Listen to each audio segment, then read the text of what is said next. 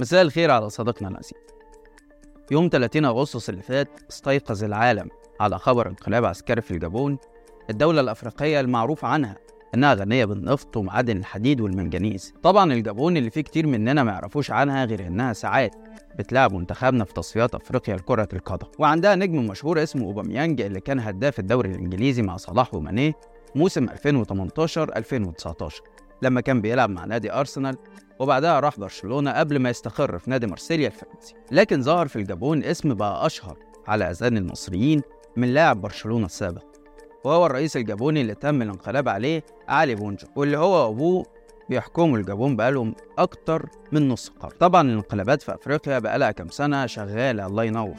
في منها اللي بينجح ومنها اللي بيفشل لدرجة إنها أصبحت بتسمى قارة الانقلابات. يعني عندك دول غرب ووسط أفريقيا شهدت عشر محاولات انقلاب عسكري خلال آخر ثلاث سنين بس. طبعا مع كل انقلاب بيحصل في أي دولة المصريين بيفتكروا بيه انقلاب السيسي الأشهر في القارة الأفريقية واللي انقلب فيه على الرئيس مرسي الله يرحمه أول رئيس مدني منتخب واللي جاب الصندوق بعد ثورة يناير اللي أبهرت الغرب والعالم أجمع لكن المرة دي بقى المصريين قارنوا بين انقلاب السيسي وانقلاب الجابون من زاوية تانية وده بعد ما شبهوا الرئيس الجابوني علي بونجو بالسيسي بسبب إنه بيحكم بقاله 14 سنة والجيش انقلب عليه بعد نجاحه في الجولة الثالثة في الانتخابات الرئاسية اللي لحقتها اتهامات من المعارضة بتزويرها بعد ما غير بونجو الدستور عشان يسهل عملية نجاح عبد الفتاح بونجو قصدي علي بونجو واللي كان بيسعى لفترة ولاية ثالثة جيشه اللي بيحميه واللي كان وزير دفاعه انقلب عليه بعد ما البلد الغنية اللي كان بيحكمها اتدهورت أوضاعها الاقتصادية ولحقته هو وأسرته اتهامات بالفساد ونهب ثروات ومقدرات البلد وإدارتها وكأنها مقدراتهم الخاصة. ده غير امتلاكهم طبعا عشرات العقارات الفاخرة في العاصمة الفرنسية باريس. بونجو كمان صديقنا العزيز نصحوا مقربين منه إنه فترتين كفاية يا علي وسيب فرصة لغيرك يحكم عشان يكون إصراره في الحصول على فترة تالتة مسمار أخير في نعشه. وينقلب الجيش عليه ويحتجز هو وعائلته ويتولى قائد الحرس الجمهوري إدارة شؤون البلاد. طبعا أي تشابه بين اللي حصل لبونجو واللي ممكن يحصل للسيسي هو من وحي خيال المؤلف. لكن اللي خلانا نحكي قصة بونجو إن في ناس كتير قارنت بينه وبين السيسي اللي بيستعد لإجراء انتخابات رئاسية في مطلع السنة الجاية عشان يمدد حكمه لولاية تالتة. بعد ما عدل الدستور سنة 2019 عشان يضمن البقاء لسنة 2030 إيه هي بقى خطة السيسي في انتخابات الرئاسة 2024 وليه إعلام النظام بإتهام المرشح المحتمل أحمد الطنطاوي بإنه إخوان وليه ظهرت دعوات بمقاطعة الانتخابات. ده اللي هنعرفه مع بعض في حلقة النهاردة. بس قبل ما نبدأ ما تنساش بقى تعمل لايك وتشارك الحلقة مع أصحابك. أنا عبد الرحمن عمر وده برنامج الحكاية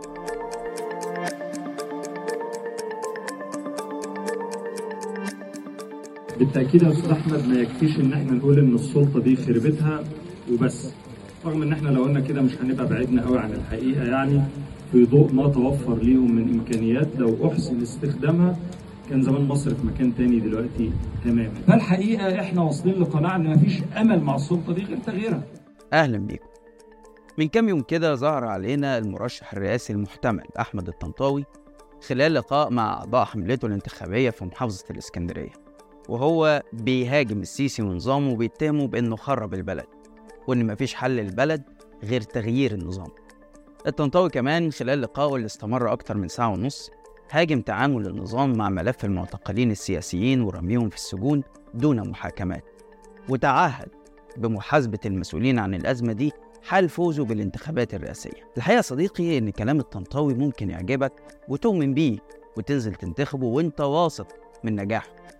وممكن ما يعجبكش وتنتخب غيره وتكون واثق برضه من اختيارك لكن الكلام ده في عهد السيسي أصبح من المستحيلات لأنه عمره ما يسمح بإجراء انتخابات تعددية غير معروف نتيجاتها مسبقة والكلام ده قاله الطنطاوي بنفسه في اللقاء بعد ما انتقد تجاهل هيئة الانتخابات لرسالته اللي تضمنت 12 مطلب لضمان النزاهة وحيادية أجهزة الدولة. اللي حصل إن إحنا شفنا السيد رئيس الهيئة لما طلع اتكلم ما جاش على سيرة ال 12 مطلب دول اللي هم الأهم وقعدوا يشيدوا بإنهم بيتكلموا في في مواصفات الحبر الفسفوري علشان اللي مش عارف الايه الحبر الفسفوري ده مش في القانون ماشي؟ وأنا كمرشح في هذه الانتخابات أنا أطالب بتوفير نفقات هذا الحبر الفسفوري وعبء نقله لأنه ليس له أي جدوى على الإطلاق من الاستخدام. حديث الطنطاوي عن نزاهة الانتخابات وحيادية مؤسسات الدولة المفروض ده يكون بديهي. وأي دولة فيها انتخابات حقيقية هيكون مضمون بنسبة 100% وكان عندنا تجربة السيسي نفسه أفشلها لما كان في انتخابات حقيقية وأكتر من مرشح وجولة إعادة قدرت تفرز مرشح مدني نجح بالصندوق وبأصوات الشعب سنة 2000 خليني أقول لك يا صديقي إن إحنا مش بنتبلى على السيسي أو بنضرب الودع وبنكشف المستقبل لأنه أكيد ده بإيدين ربنا. لكن إحنا بنتكلم من خلال سياسة السيسي نفسها في الحكم. اللي بتعتمد على إقصاء الطرف الآخر. ده غير إننا عندنا تجربتين لمسرحيات اتسمت بالانتخابات واحدة في 2014 والتانية في 2018 مثلا في 2014 السيسي اعتمد على المرشح الكومبارس حمدين صباحي. لكن كل الناس كانت عارفة إن السيسي اللي عمل انقلاب وقدم استقالته من الجيش مش هيسيب أكيد حد ينجح غيره. وفي 2018 كانت الانتخابات أكتر كوميدية. يعني فضلنا لآخر لحظة مش عارفين مين هينافس السيسي حتى في الانتخابات السورية دي. وكل ما ينزل مرشح منافس السيسي يعتقله زي العميد أحمد قنصوة والفريق سامي عنان. لحد ما خرج علينا في اللحظات الأخيرة بمرشح الزنق موسى مصطفى موسى اللي هو نفسه اتفاجئ بإعلان ترشحه بعد ما كان من مؤيدين السيسي في حملته الانتخابية. طبعا الطنطاوي عارف ده كويس. وهو نفسه في لقاء مع قناة بي بي سي اعترف بتزوير الانتخابات البرلمانية الأخيرة ضده. فأكيد يعني ما كانوش بيزوروها ضده عشان يبقى رئيس لكن قال إن هو بيعمل ده كنوع من النضال السلمي ضد النظام. الانتخابات اللي حضرتك بتتكلمي عنها دي أنا بقول كده بالقطع. كل من شارك في هذه الانتخابات كل من رآها كل من اختلط بها يعلم علم اليقين ان أنا فزت في الانتخابات البرلمانية 2020 المضحك بقى إن النظام اللي الطنطاوي في يوم من الأيام كان عضو برلمانه وملوش أي ماضي سياسي مش لاقي أي حاجة يهاجموا بيها. فشوية يطلع يبرر لنا إن مصر دولة كبيرة عليه وشوية يقول لك ما عندوش أي خطط أو رؤى سياسية واقتصادية. وكأن يعني السيسي مخليها دولة أوروبية أو على الأقل سايبها زي ما هي ومش بيبيع في أصولها ومدينها لطوب الأرض. لحد ما ظهرت التهم المعلبة لكل المعارضة وهي إن الطنطاوي طلع إخوان. اتهامات إعلام النظام للطنطاوي انه إخوان وبيدعمهم جت بعد ما خرجوا كلام ليه من لقاءاته بيقول إن في ناس حكموا البلد واتحصوا وكمان بعد ما أبدى في لقائه مع رموز الحركة المدنية تسامحوا مع مشاركة كل التيارات في الحياة السياسية. وقال إن المشاركة حق أساسي لكل المصريين. أن يكون هناك أي مخرج لإعادة الإخوان للمشهد السياسي فهذا يمثل كفرا سياسيا. لا توبة له. بعيدا بقى عن كلام الطنطاوي عن الإخوان والنظام اللي شايف إن مشاركتهم في الحياة السياسية كفر لكن قتلهم في الميادين ثواب يؤجر فاعله. لكن الحقيقة إن اتهام أي حد معارض أو بينتقد السيسي إنه إخوان ما وقفتش عند الطنطاوي أو حتى المعارضة المدنية. دي كمان لحقت مجلة فورن بوليسي الأمريكية. بعد ما كتب الصحفي ستيفن كوك مقال في المجلة عنوانه السيسي يحكم المصريين بالخوف لكنه محكوم به إعلام النظام طلع بقى وبشكل كوميدي واتكلم عن قد إيه المجلة غير مهنية. ده على أساس يعني إن المهنية مقطعة نفسها قنوات وصحف النظام. وطبعا الكلام ده اتكرر مع وسائل إعلام عالمية كتير زي الواشنطن بوست والبي بي سي وغيرهم كتير.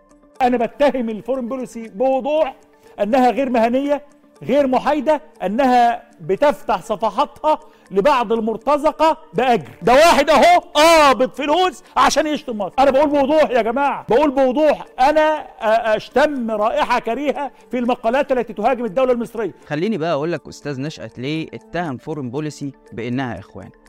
مقالة كوك اتكلمت عن استخدام السيسي لخطاب قومي عبر استبعاد الإخوان رغم كونهم لعبوا دور مهم في الحياة السياسية في مصر في القرن العشرين.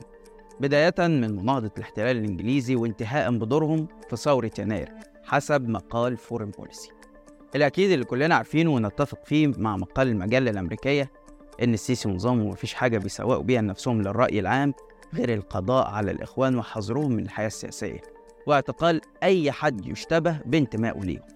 عشان يخلقوا حالة من الفزع عند المصريين خوفا من عودة الإخوان. وده رغم إن خطابات الرؤساء العسكريين السابقين زي مبارك والسادات وعبد الناصر ما كانتش معتمدة على ده رغم عدائهم للإخوان. طيب هل الإخوان فعلا هيدعموا أحمد الطنطاوي وإنه بيغازلهم زي ما في ناس بتتكلم؟ الحقيقة إن سواء دعم الإخوان طنطاوي أو لأ فالمشكلة في وجود انتخابات حقيقية.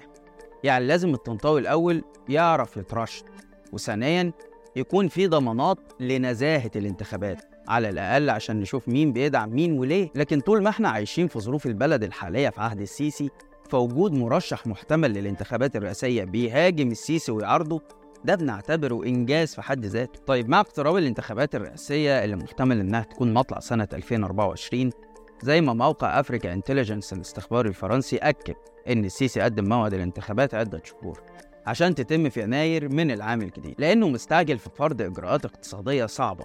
وقد تؤدي لموجات غضب شعبي. إيه الشكل اللي السيسي عايز يخرج بيه الانتخابات؟ وإيه هي فرص المنافسة؟ طبعا الطنطاوي مش هو المرشح المدني الوحيد.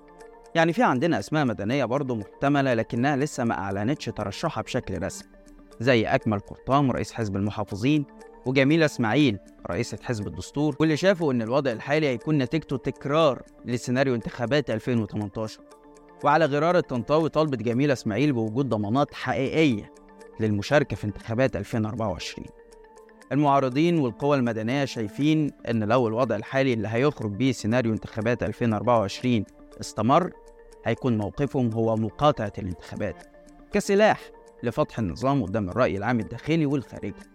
وطبعا المقاطعة دي مش أول مرة تحصل بعد ما حصلت في انتخابات 2014 وكانت أكتر في 2018 وجات من المواطنين نفسهم بدون أي دعوات بسبب عدم ثقتهم في نزاهة الانتخابات غير سوء الأوضاع المعيشية اللي بيعاني منها المصريين في عهد السيسي في كل المستويات. عشان يضطر النظام وقتها لتقليل عدد اللجان الانتخابية ويعرف يسلط الضوء عليها ويقول إنها زحمة وفي إقبال كتير لكن حتى ده ما حصلش. في الناحية التانية بقى نظام السيسي بيبدأ تجهيزه للانتخابات الرئاسية بإعلانه إن في 40 حزب سياسي مرة واحدة بيأيدوه عشان يترشح لولاية تالتة ويكمل مسيرة الإنجازات الكبيرة اللي عملها طول العشر سنين.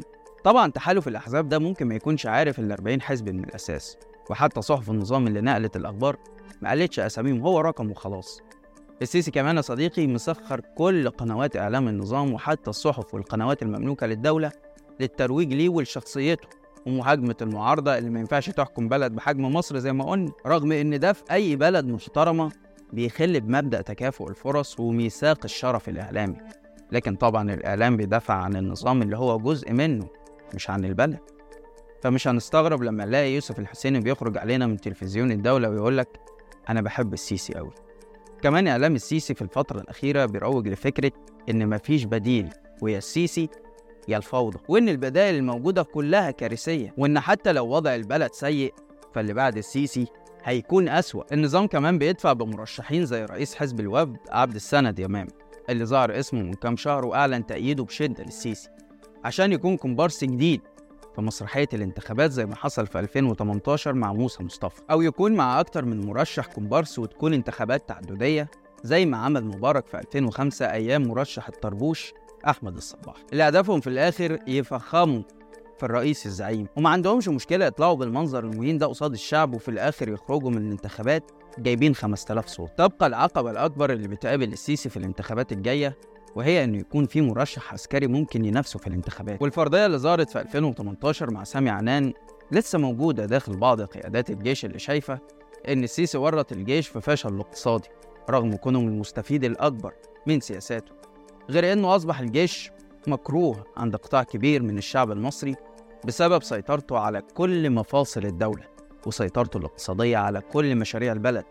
وده بيهدد مصالحهم على المدى البعيد بعد ما أصبحوا متصدرين حالة الفشل مع السيسي. طبعا في أسماء مرشحة لخوض الانتخابات من داخل المؤسسة العسكرية زي ما طلع كشف السياسي محمد السادات عن وجود شخصية ما قالش اسمها قبل ما يرجع ويقول إن الشخصية دي واللي غالبا ممكن يكون الفريق محمود حجازي اتراجعت بسبب عدم موافقة الجيش على ترشحه للانتخابات بسبب القانون اللي استحدثه السيسي سنة 2020 واللي بيمنع ترشح أي حد من المؤسسة العسكرية دون أخذ موافقة من الجيش. في النهاية حابب أقول لك إن في أكتر من سيناريو محتمل لإخراج الانتخابات الرئاسية في 2024 سواء بمرشحين كومبارس أو منافسين مدنيين أو يمكن يكون مرشح عسكري زي ما قلت لك.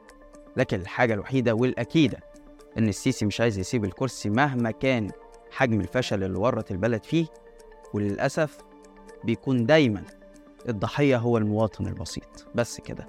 لحد هنا والحلقة خلصت. شارك الحلقة لو عجبتك وتابع حساب شباك وحسابي على الإنستجرام هتلاقي اللينك في الوصف.